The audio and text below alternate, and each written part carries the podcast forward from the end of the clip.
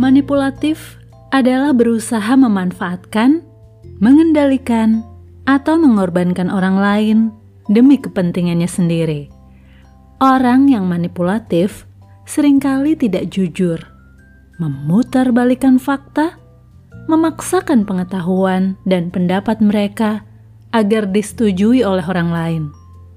Penjegal berusaha mencuri perhatian yang sebenarnya ditujukan untuk orang lain. Si paling merasa sesuatu ketika membahas topik tertentu, dan kritikus andal. Begitu besar hasratnya, ingin diakui dan dipandang baik di mata orang banyak. Ia pamer sesuatu yang dilakukannya agar menarik simpati orang. Padahal di balik semua itu ada orang yang dikorbankan. Orang manipulatif akan berbahaya ketika diberi kepercayaan atau kekuasaan, semakin menjadi-jadi sewenang-wenangnya. Orang manipulatif membuat pihak lain tidak berdaya menghadapi mereka.